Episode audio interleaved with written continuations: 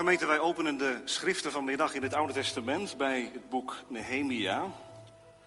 Toen stond ik s'nachts op, ik en enkele mannen met mij. Ik vertelde geen mens wat mijn God in mijn hart gegeven had om voor Jeruzalem te doen. Er was geen dier bij mij dan het dier waarop ik reed. Ik ging s'nachts door de dalpoort de stad uit, voorbij de drakenbron, naar de mestpoort en inspecteerde de muren van Jeruzalem waarin bressen waren geslagen en waarvan de poorten door vuur waren verteerd. Ik ging verder naar de bronpoort en naar de vijver van de koning. Er was echter geen ruimte om verder te gaan voor het dier waarop ik zat. Toen klom ik in de nacht omhoog, langs de beek, terwijl ik de muur inspecteerde en ging weer terug. Ik kwam door de dalpoort binnen en ging terug. En de machthebbers wisten niet waar ik heen gegaan was en wat ik aan het doen was. Want ik had tot nog toe de Joden, de priesters, de edelen, de machthebbers en de anderen die het werk deden, niets verteld. Toen zei ik tegen hen, u ziet de ellende waarin wij verkeren, dat Jeruzalem verwoest ligt en zijn poorten met vuur verbrand zijn. Kom, laten we de muur van Jeruzalem opbouwen, zodat wij niet langer een voorwerp van smaad zijn. En ik vertelde hun over de hand van mijn God, die goed over mij geweest was, als ook de woorden van de koning die hij tot mij gesproken had. Toen zeiden zij, laten wij opstaan en gaan bouwen. En ze grepen moed voor het goede werk. Maar Sanballat, de Horoniet, en Tobia, de Ammonitische dienaar, en Gesem, de Arabier, hoorden dit en bespotten en verachten ons. Zij zeiden, wat is dit voor iets wat u doet? Wilt u tegen de koning in opstand komen?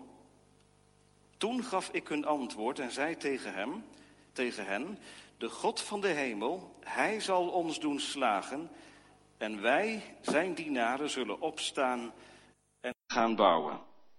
Maar u hebt geen deel, geen recht en geen herinnering in Jeruzalem. Tot zover een gedeelte uit Nehemia 2. Met de hulp van de Heer verkondig ik u vanmiddag het woord, naar aanleiding van de tekst die u vindt in het voorgelezen schriftgedeelte Nehemia 2. Een gedeelte uit het laatste vers, vers 20. De beleidenis van Nehemia, deze woorden, de God van de hemel, hij zal ons doen slagen en wij, zijn dienaren, zullen opstaan en gaan bouwen. Gemeente, een goed begin is het halve werk. Dat zeggen wij nog wel eens tegen elkaar. En er zit natuurlijk ook wel een kern van waarheid in.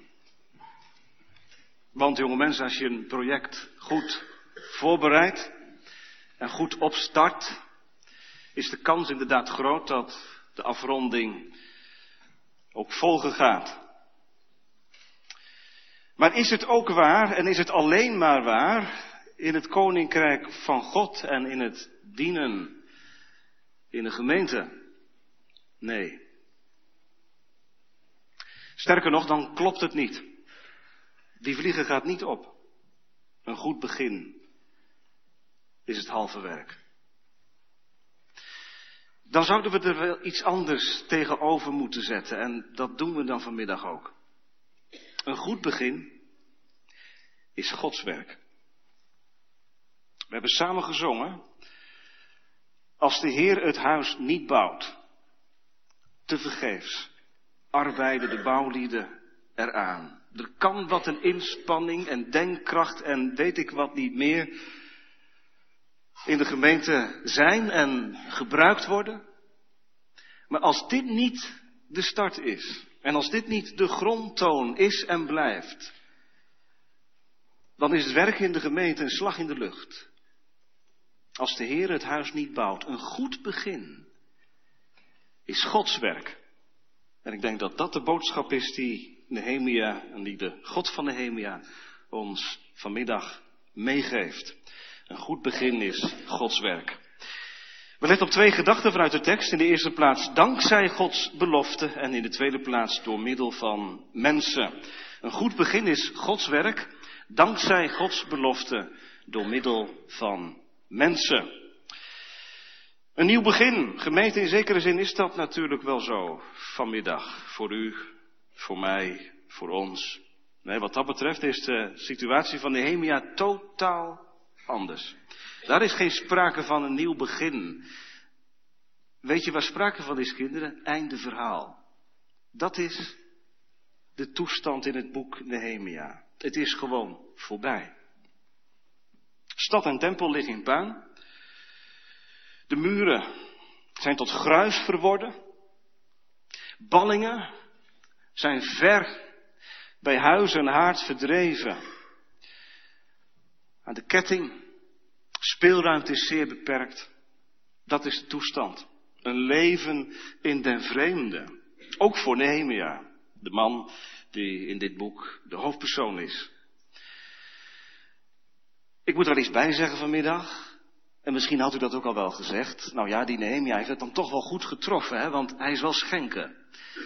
En de kinderen weten vast wel dat ook in de geschiedenis van Jozef een schenker voorkomt. En dat was toch een baan om trots op te zijn. Als je schenker was, dan had je het vertrouwen gewonnen van de koning, van de farao. Had je een aanzienlijke positie. Nehemia zouden vandaag zeggen, was een man die carrière had gemaakt. Wat dat betreft had hij het niet zo slecht.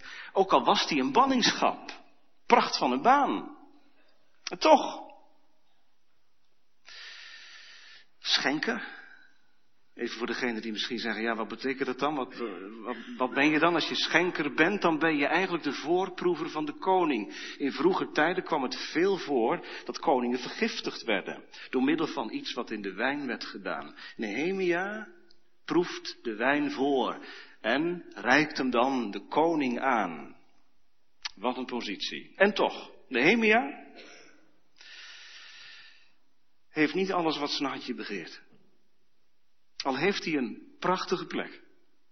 Een positie waar wij vandaag van zouden zeggen, nou als je dat bereikt hebt, dan mag je toch best in je handen knijpen. Nehemia heeft pijn. Diep verdriet. Hartzeer. Als hij aan Jeruzalem denkt, gemeente, dan bloedt zijn hart. Als hij aan de stad van zijn vaderen denkt, dan huilt hij. Die ligt in puin. En recent is zijn broer Hanani gekomen. U kunt daarvan lezen in hoofdstuk 1. We hopen volgende week even terug te gaan. Als de Heer het geeft. En dan hoofdstuk 1 te behandelen. Maar zijn broer Hanani heeft verteld. Op verzoek van Nehemia hoe het eruit ziet in, in Jeruzalem. En wat er allemaal in de hand is en wat er nog over is van de gebouwen en van de muren. Nou, dat gesprek met zijn broer, dat heeft alleen maar meer pijn veroorzaakt. Het lijkt echt einde verhaal, dat lijkt voorbij. En Nehemia, we lezen dat ook in hoofdstuk 1, hij zit uiteindelijk in zak en as neer. Zijn hart bloedt. Hij bevindt zich op verre afstand. Wat kan deze man uitbrengen? Wat kan die nog betekenen? Nehemia heeft geen programma. Nehemia heeft geen stappenplan. En al had hij je, al had hij ze.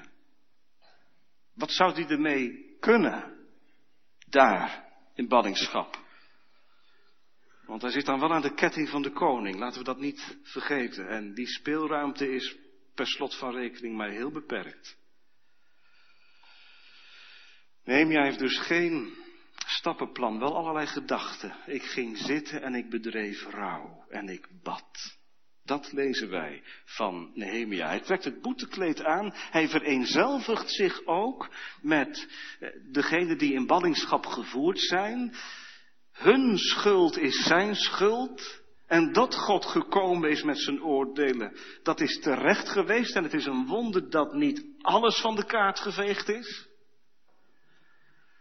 Nehemia, wat moet jij doen? Dan alleen klagen en wenen.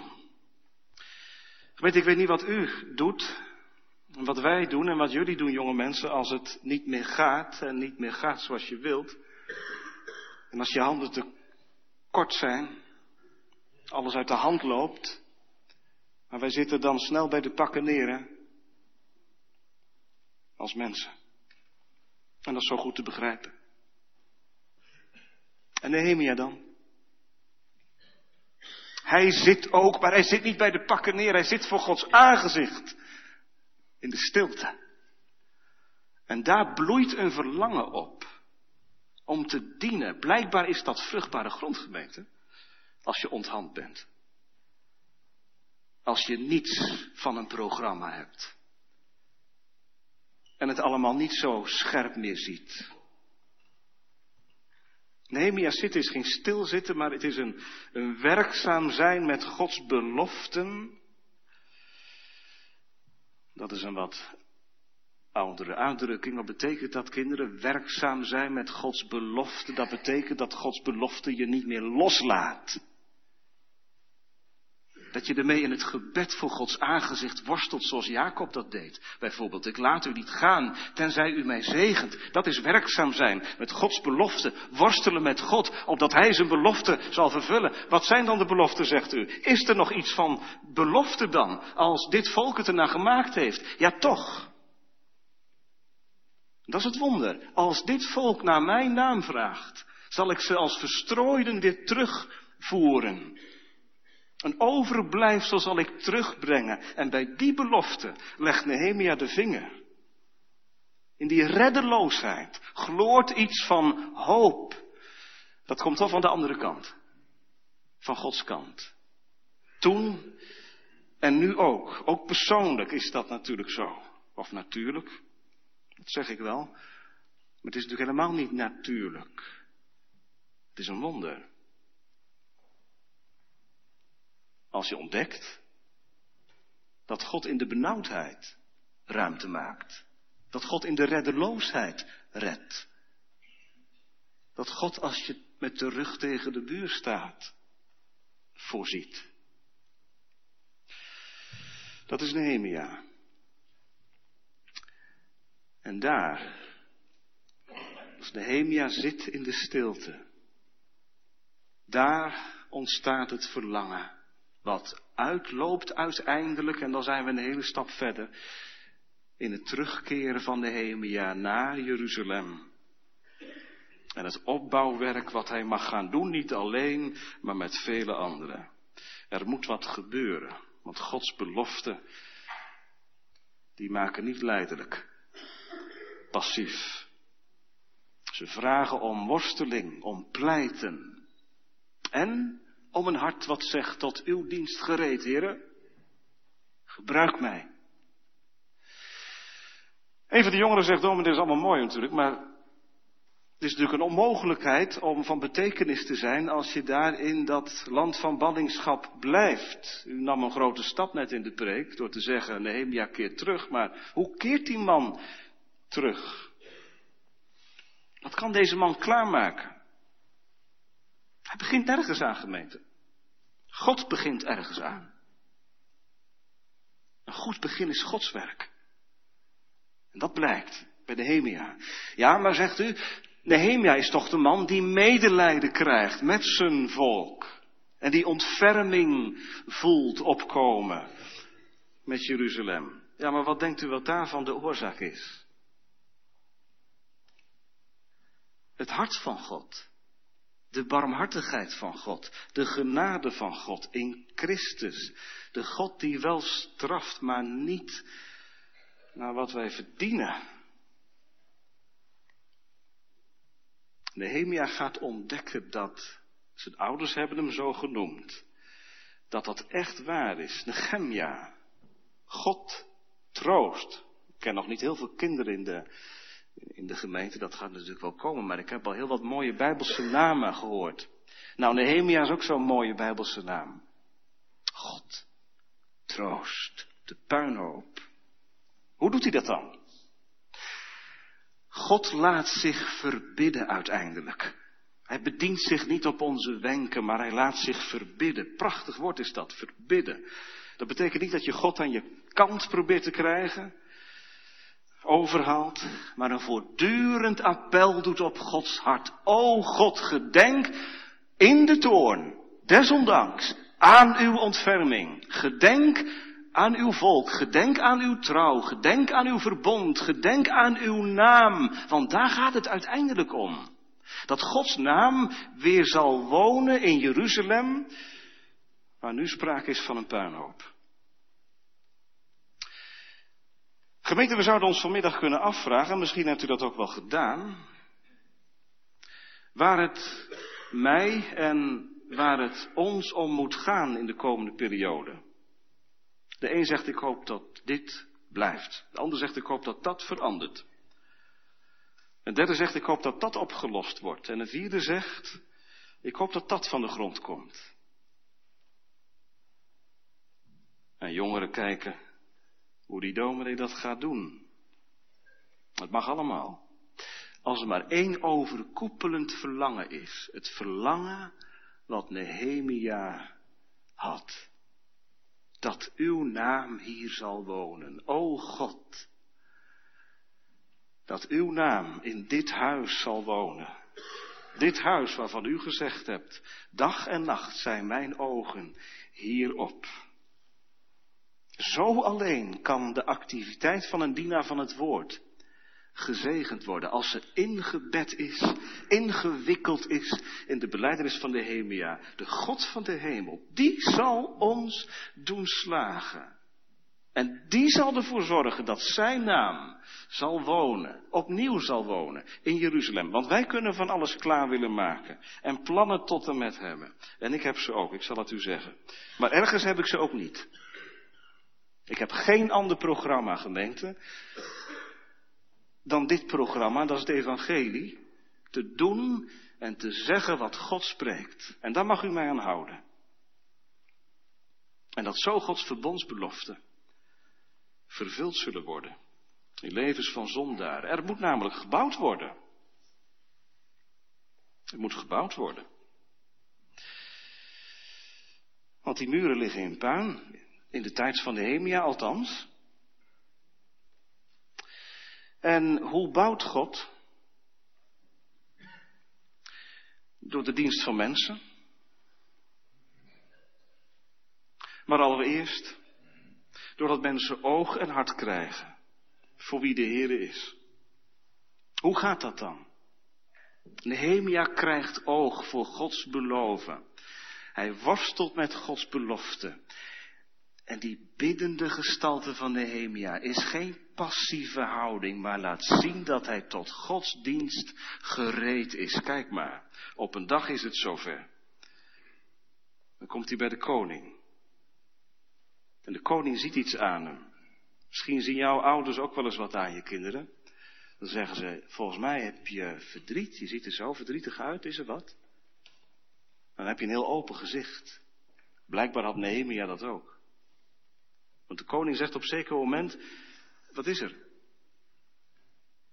Heb je hartzeer, Nehemia? Heb je pijn? Waar ben je mee bezet?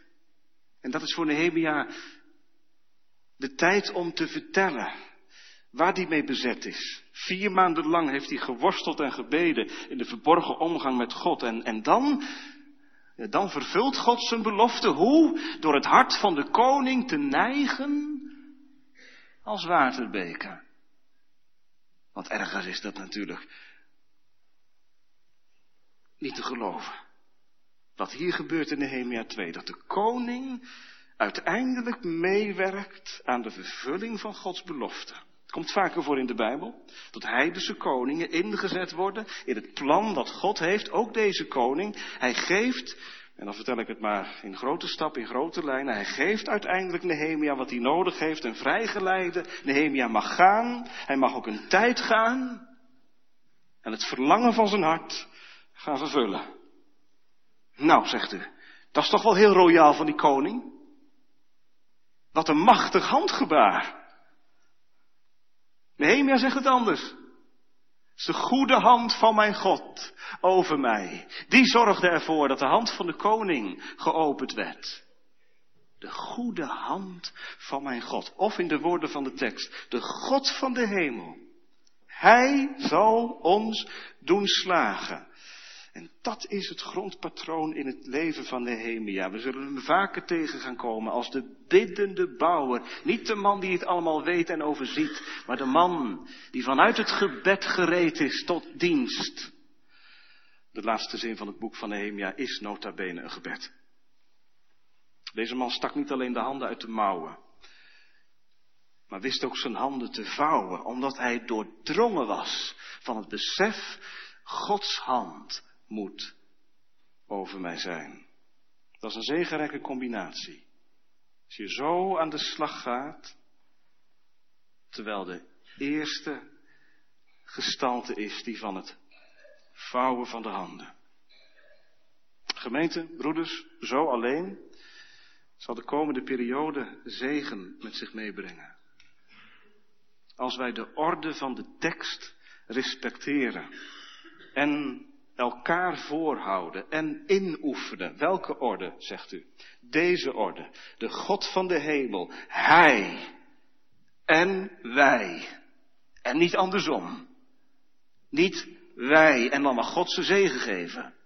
Niet de dominee en hopelijk zegent God zijn werk en zijn inspanningen. Nee, andersom. De God. Hij. En dan wij. Als we het om gaan draaien, dan, dan wordt de dienst van intreden iets van een triomfantelijk begin. En dat is het niet.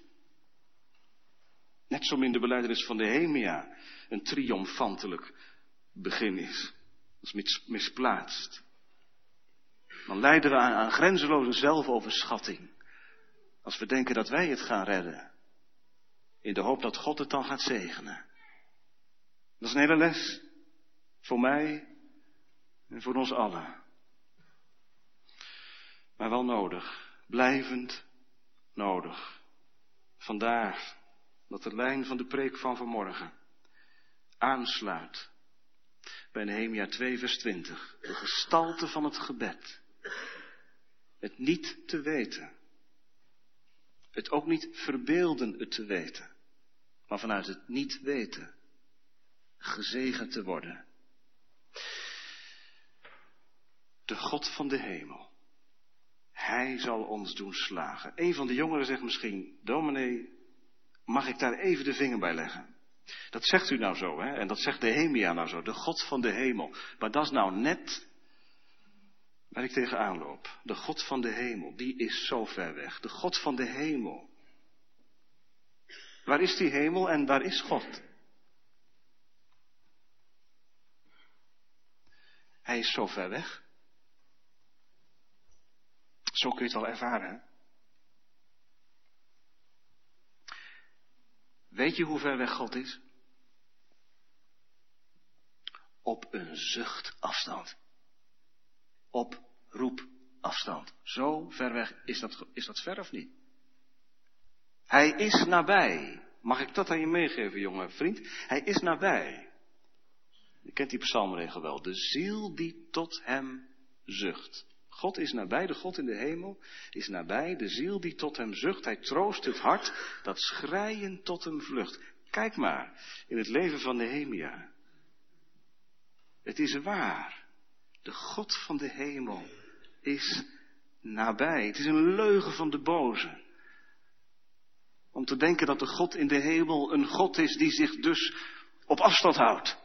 Het allemaal maar aanziet en het toelaat en het laat gebeuren in je leven. Oh nee, hij is nabij. Wie hem aanroept in de nood, vindt zijn gunst oneindig groot. Het hele boek is een onderstreping en we hopen het met elkaar ook, ook mee te maken. Een onderstreping van het feit dat we te maken hebben met een God die zeer groot is. Die wij niet in de vingers en in de handen krijgen, maar een God die zich verwaardigt om, om zich over mensen heen te buigen. En zichzelf bekend te maken in zijn zoon, Jezus Christus. Wat gaat er dan gebeuren, zegt iemand? Wat gaat er gebeuren als het gebed van Nehemia vervuld wordt? Nou, zegt iemand anders, dat is niet zo moeilijk natuurlijk. Ik ken de grote lijn van het boek Nehemia wel. Nehemia gaat naar Jeruzalem toe en hij gaat die, die muren bouwen. Dat was ook doel van zijn gebed. En, en dat wil hij graag, dat is zijn verlangen. Ja, zeker, dat is allemaal waar. Maar dat bouwen van de muur is geen doel in zichzelf. Nehemia gebruikt het woord doen slagen, gelukken. Daar zit iets in van vrede brengen, heil brengen. En dat is meer dan alleen maar zorgen dat de stad er voor het oog weer mooi bij ligt en dat de muur weer opgebouwd is en dat de tempeldienst weer functioneert. Een vakante periode is voorbij, een nieuwe dienaar treedt aan. Het kan weer allemaal voortgaan. Geen vakante plek meer. Is dat het dan? Nee, dat is het niet. Dat is geen doel in zichzelf. Die muren worden herbouwd, jawel.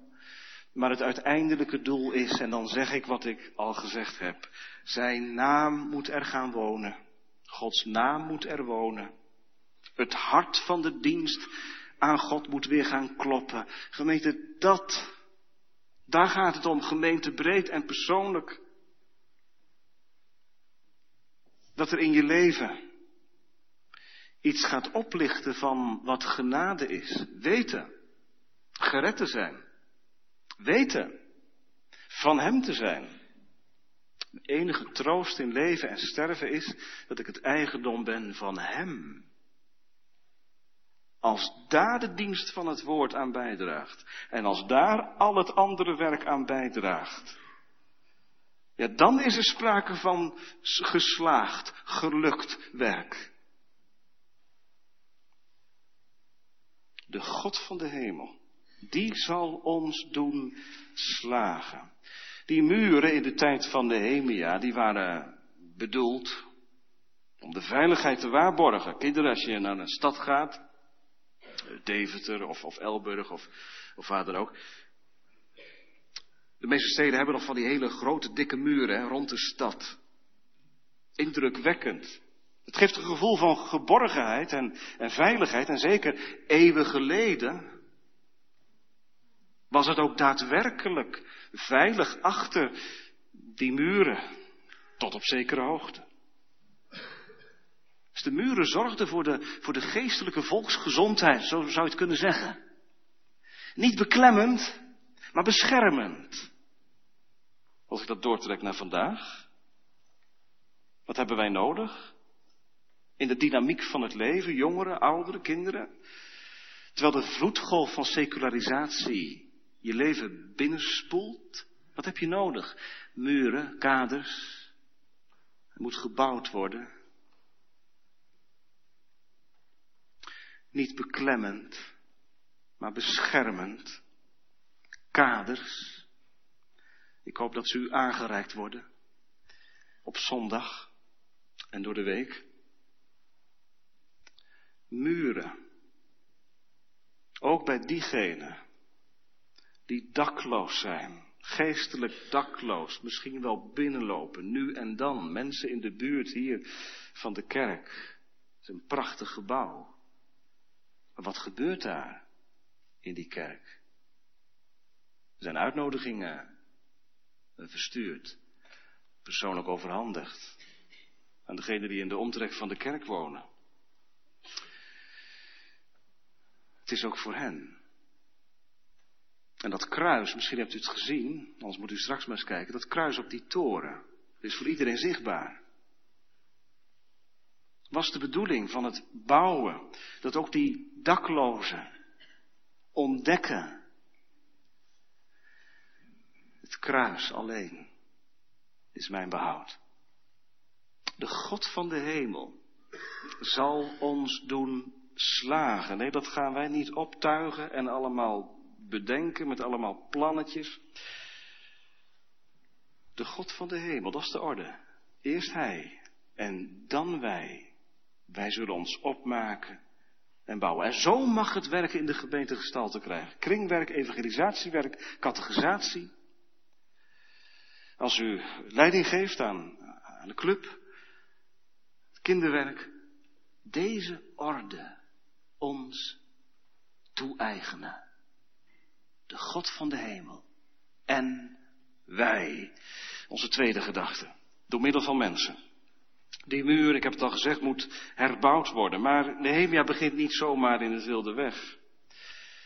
We hebben samen gelezen dat hij de nodige inspectie heeft verricht. Wat is inspectie? Inspectie is, kinderen, dat je polshoogte neemt, dat je alles in ogenschouw neemt, hoe de situatie is, wat er moet gebeuren om die muren te bouwen. Ja, de conclusie, die staat natuurlijk al vast. Er moet wat gaan gebeuren. Maar Nehemia, dat is opvallend, dat gaat niet overhaast te werk. Hij zegt ook niet, dat ga ik wel doen. Nee, hoofdstuk 3, en dat zal nog in orde komen. Daarin zullen we zien dat Nehemia anderen erbij betrekt. Wij, zegt hij toch ook, wij zijn dienaren zullen opstaan. Niet ik, de God van de hemel, hij zal mij doen slagen en ik zal opstaan en ik ga bouwen. Wij. Dat is geen majesteitelijk meervoud. Dat is werkelijk zoals Nehemia het bedoelt. Samen. Wat doet hij? Nehemia die maakt het volk, degene die zijn aangesteld, tot de overste van het volk, deelgenoot van zijn nood. We hebben dat samen ook gelezen. Kijk naar de ellende, zegt hij in vers 17. U ziet de ellende waarin wij verkeren. Dat Jeruzalem verwoest ligt en zijn poorten met vuur verbrand zijn. Dan zegt hij niet, kom, kijk toe hoe ik de muur ga opbouwen. Jullie mogen toekijken, want ik ben de dienaar. En ik ben hier gekomen met een bepaald verlangen. En u mag, u mag gaan toezien hoe ik het doe.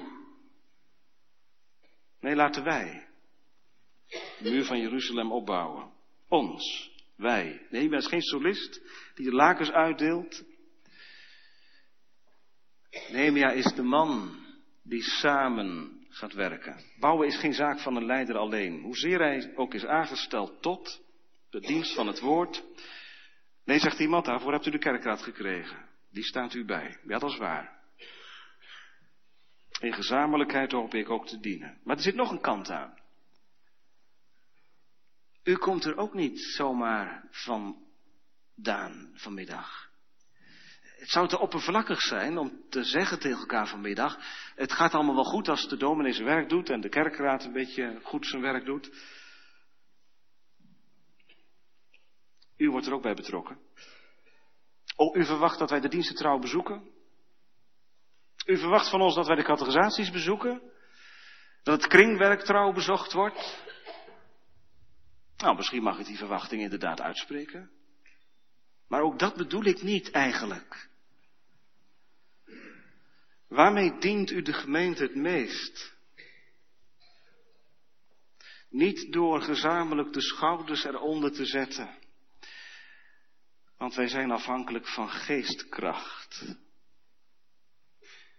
Deze grondhouding, gemeente, laat die de onze mogen zijn of worden, die van het gebed. Zij sterkten hun handen ten goede, lezen wij.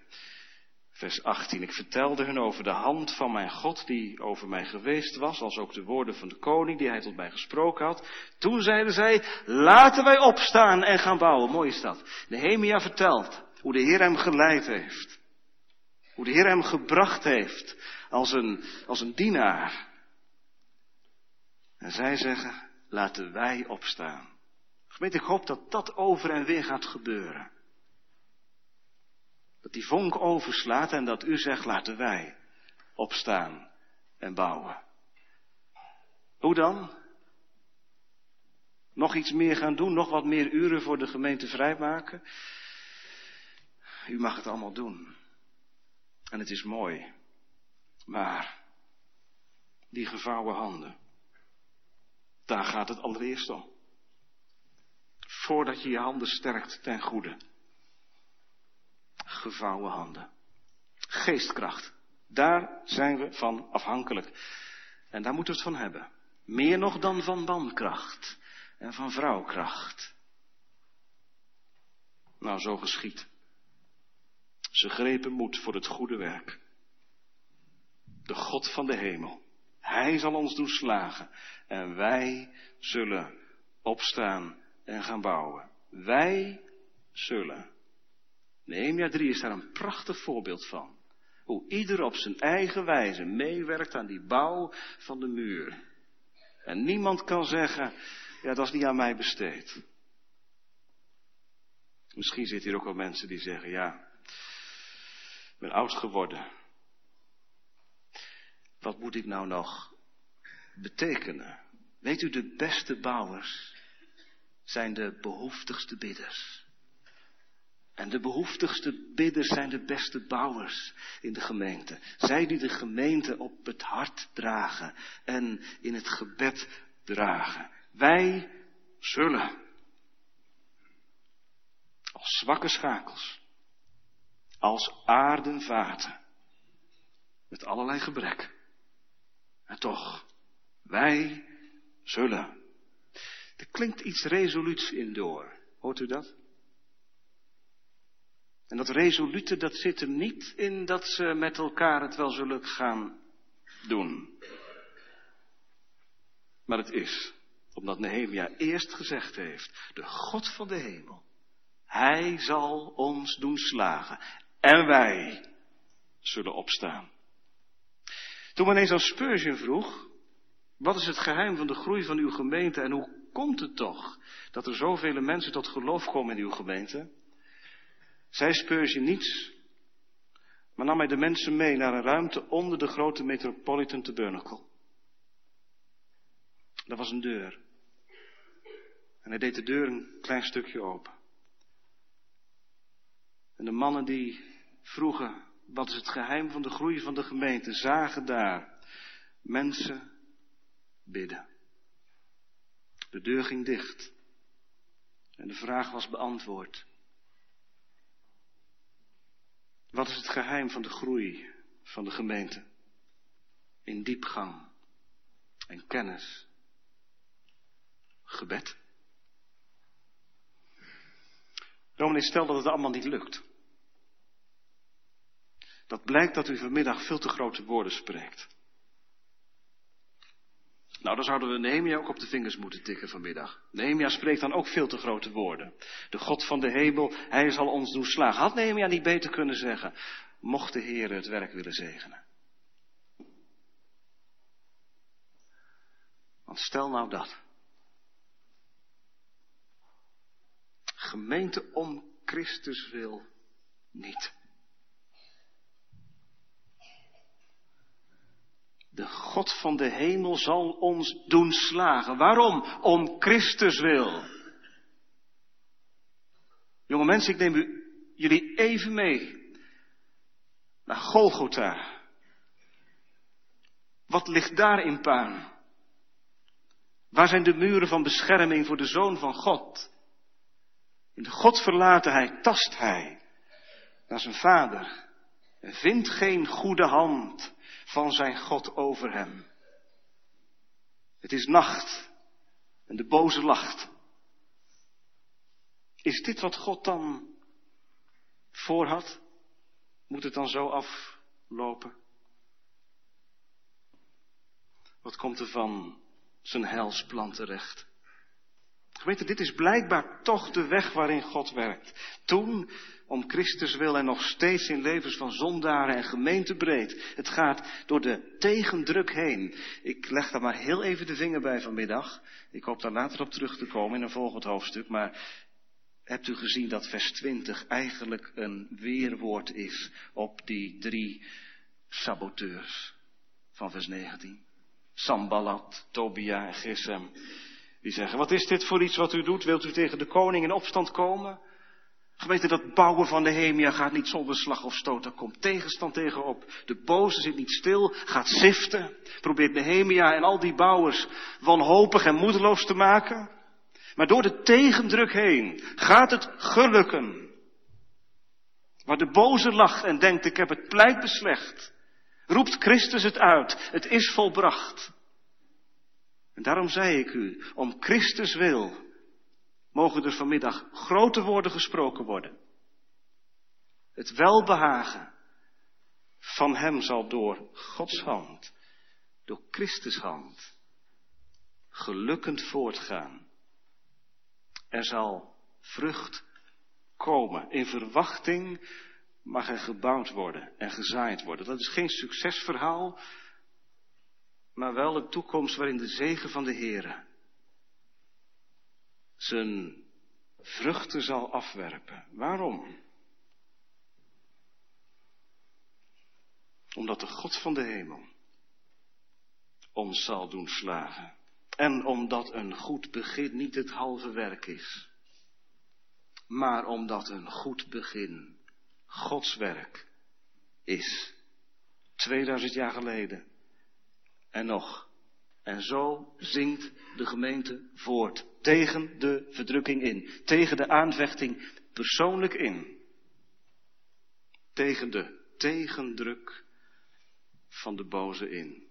Het gebouw van God zal naar zijn gemaakt bestek in eeuwigheid verrijzen. Een goed begin is Gods werk. Amen.